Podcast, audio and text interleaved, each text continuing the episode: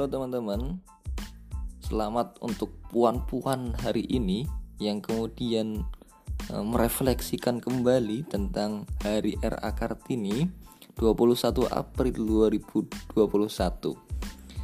E, teman-teman patut yang kemudian tokoh ini tidak hanya seremonial di postingan-postingan teman-teman saja, tetapi memaknai memang kemudian meresapi dan mengambil uh, ibrah mengambil keteladanan sosok R.A. Kartini.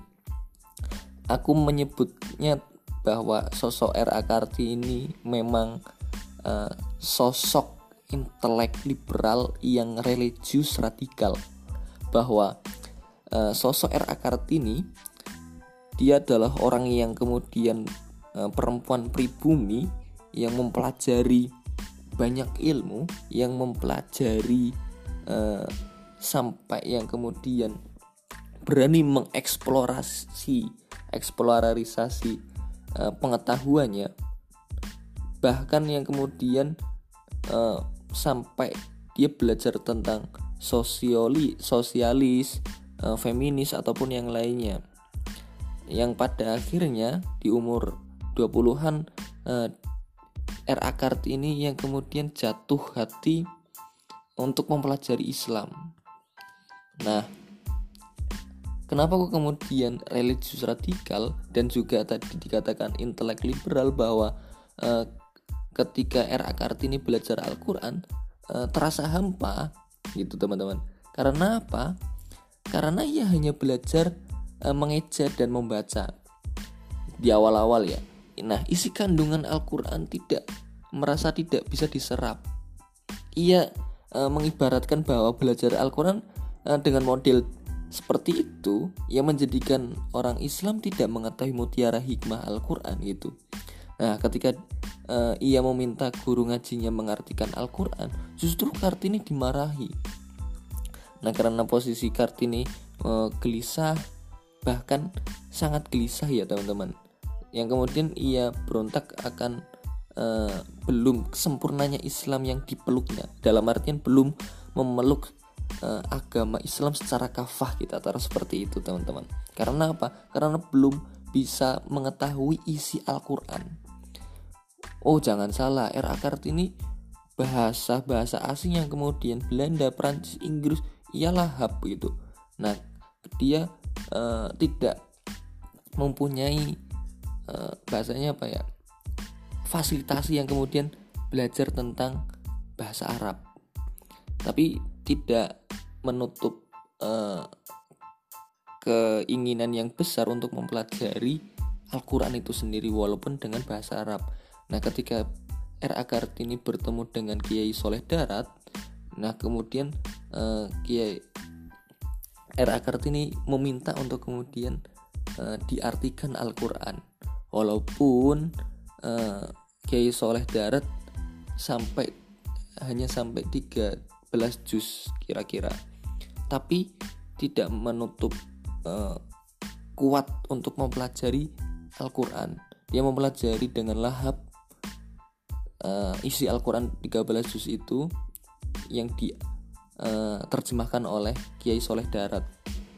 Jadi kenapa kemudian uh, ingin dimemaknai Al-Quran ya karena memang sosok uh, religius radikal gitu teman-teman saya memaknainya bahwa eh, kata R.A. Kartini dalam surat untuk Stella eh Zihendelar eh, itu mengatakan bahwa Al-Quran terlalu suci untuk diterjemahkan dalam bahasa apa pun juga Nah, di sini juga orang tidak tahu bahasa Arab. Di sini orang diajari membaca Al-Quran tetapi tidak mengerti apa yang dibacanya. Bagi R.A. Kartini, ini eh, pekerjaan gila mengajari orang membaca tanpa mengajarkan makna yang dibacanya. Kira-kira itu surat dari R.A. Kartini untuk Stella. Jadi karena posisi pada saat itu memang tidak ada tafsir Al-Quran yang sudah diterjemahkan dalam bahasa Melayu itu Melayu ataupun bahasa Jawa. bahwa era Kartini um, di akhir-akhirnya walaupun memang umurnya tidak sampai uh, apa namanya sampai berumur lanjut ataupun yang lainnya hanya seperempat abad 25 tahun tapi sudah memberi keteladanan yang luar biasa akan uh, spirit akan semangat untuk menuntut ilmu semangat untuk mendalami agamanya. Karena memang tuntutan kita sebagai seorang muslim itu hanya dua dalam buku Islam sebagai ilmu. Masuk dalam agama Islam secara kafah dan juga e, menemukan sesuai dengan jalan yang diridhoi dalam artian jalan siratal mustaqim. Dan di sini sudah dilakukan oleh RA Kartini. Seberas se berusaha semaksimal mungkin untuk e, dua hal itu. Sosok yang kemudian berani mengeksplor untuk mendalami suatu ilmu dalam artian liberal ya. Liberal yang positif konotasinya.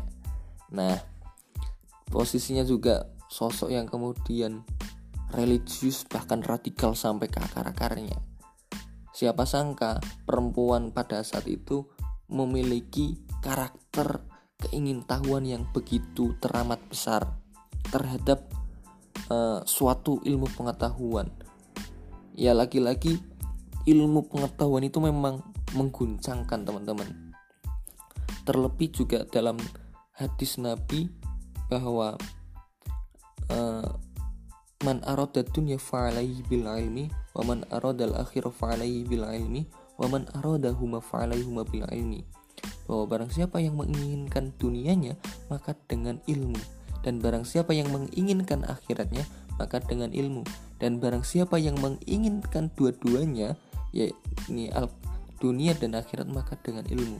Dan di sini sosok yang kemudian saya sebut-sebut sebagai uh, intelek radik intelek liberal dan religius radikal ini uh, walaupun umurnya hanya 25 tahun tapi dia sudah mendapatkan dua-duanya ini. Dengan apa? Dengan ilmu teman-teman.